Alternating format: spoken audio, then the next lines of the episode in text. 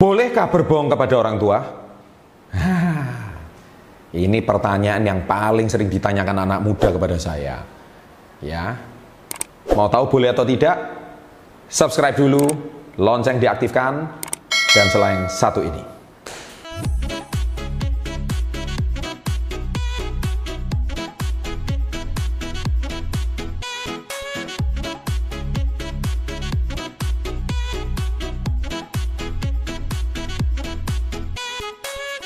Ya, kalau bicara berbohong, satu kalimat ini jelas-jelas tidak boleh. Ya, itu sudah pasti tidak boleh. Tapi saya belum selesai. Maksudnya belum selesai itu apa? Maksudnya seperti ini. boleh berbohong asal niat dan tujuannya. Saya berikan sebuah contoh seperti ini. Contoh ya. Orang tua Anda saat ini tidak bekerja. Anda bekerja merantau ya merantau keluar kota atau keluar pulau atau keluar negeri. Terus orang tua tanya, gajimu berapa nak? Nah inilah yang paling penting. Di sini saya akan ajarkan Anda berbohong. Loh, Pak Chandra ini gimana atau kok ngajari orang-orang berbohong? Misalkan gaji kamu 5 juta, kamu harus bilang sama orang tua gajimu 3 juta. Loh, kok bisa pak? Ya kan? Karena orang tua akan pasti kalau apalagi orang tua di kampung, dia tidak pernah bekerja, dia pasti akan minta uang sama anaknya. Ya, 3 juta. Dan Anda sebagai anak mungkin tidak tega. Jangan-jangan 3 jutanya dikirim semua. Itu biasanya seperti itu. Nah, kenapa saya harus Anda harus bilang 3 juta? Karena gini, saya temui banyak orang bekerja 10 tahun, 15 tahun, entah merantau di luar pulau, entah di luar kota, bahkan di luar negeri, pulang-pulang tetap tidak ada hasil. Kenapa? Karena uangnya dikirim orang di rumah terus, dan akhirnya uang yang dikirim ke rumah orang tuanya mungkin, ya orang tuanya pun iya kalau dia bisa orang tuanya bisa nyimpan, orang tuanya kadang maaf, kadang-kadang orang tuanya malah hasil jeripaya anaknya dia mungkin belanjakan secara tidak bijak dan orang tuanya tidak punya pemahaman finansial yang baik, tidak tahu cara menabung, tidak tahu cara investasi, tidak tahu cara apa memutar uangnya dengan baik dan akhirnya hasil seripaya anaknya nggak ada apa-apa. Nah video ini kali ini saya buat tujuannya itu apa? Anda memang bukan berarti Anda tidak boleh jujur. Itu berbohong demi kebaikan. Ketika Anda pulang, Anda masih punya simpanan 2 juta per bulan 2 juta per bulan itu 25 juta per tahun loh. Ya, 24 25 juta per tahun dan kalau itu dikalikan 10 tahun itu juga uang ratusan juta itu. Nah, itu dengan asumsi gaji Anda tidak naik. Tapi ketika Anda pulang, Anda masih bisa memberikan tiket umroh pada orang tua contohnya. Wah, itu keren kan? Loh nak, katanya gajimu segini kok masih bisa mengumrohkan orang tua. Sudahlah, bapak ibu yang penting bapak ibu ibadah. Nah, itu namanya berbohong yang baik. Berbohong yang saya anjurkan. Ya.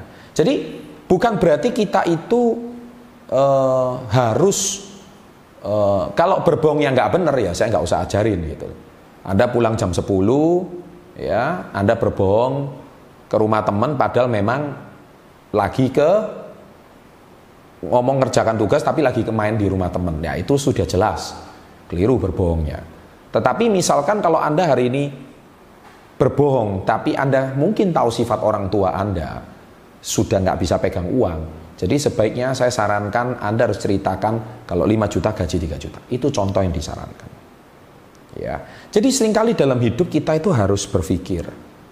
Kita nggak bisa 100% karena apa? Kita ini sungkan. Ketika kita mau berikan pada orang tua, orang tua masalah ya. Dan kita berikan kalau nggak jujur nggak 100% orang tua sendiri. Kalau kita nggak berikan eh, orang tua cap kita anak yang tidak berbakti. Serba salah kan? Jadi oleh sebab itu saya sarankan boleh asal tujuan dan niatnya baik. Dan secara nggak langsung Anda membantu mengelola kondisi finansialnya orang tua. Ini yang paling benar. Saya punya beberapa orang murid Ya, yang mana murid saya ini selalu konsultasi masalah finansial orang tuanya. Ya. Dan saya berikan jawaban seperti itu. Dan terutama kebanyakan orang tuanya tidak punya pendidikan finansial. Nah, ini dengan asumsi orang tuanya tidak bekerja. Orang tuanya sangat mengharapkan belas kasihan anaknya. Daripada orang tua Anda masuk ke panti jompo, ya, di apa di apa dirawat oleh orang lain, oleh pemerintah, saya sarankan nggak ada salahnya kalau Anda bantu mengelola hal ini. Bahkan bagus-bagus kalau Anda e, bisa sisihkan uang untuk membelikan asuransinya orang tua. Loh Pak, kan ada BPJS, nggak ada salahnya Anda tambahkan. Sehingga next time ketika orang tua sakit, ya Anda masih punya dana cadangan untuk membantu orang tua. Ya, Toh yang lain kali yang kalau orang tua sakit yang beban juga siapa kalau orang tua tidak bekerja ya anaknya sendiri. Jadi lebih baik dalam hal ini memang harus berbohong. Berbohong dalam tanda kutip. Berbohong yang benar. Niat dan tujuannya benar. Karena apa? Demi kebaikan orang tua dan demi kebaikan Anda.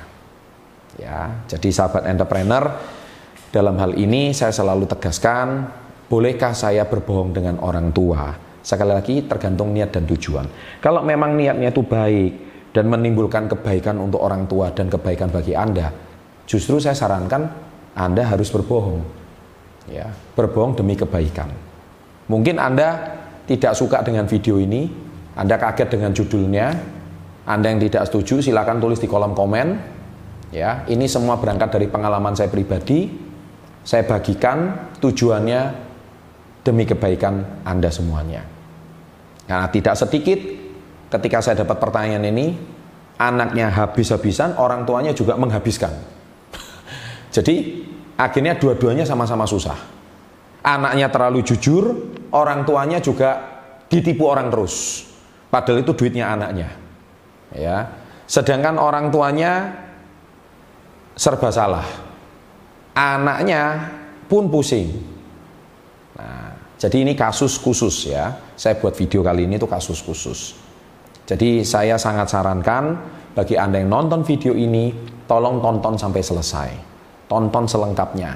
Karena ini ada sebuah studi mengatakan bahwa benar-benar orang tua itu bermasalah. Sehingga terpaksa anaknya harus dalam tanda kutip berbohong demi kebaikan anak dan juga demi kebaikan orang tua. Jadi tolong tonton video ini sampai selesai. Saya percaya video ini pasti akan membawa banyak manfaat.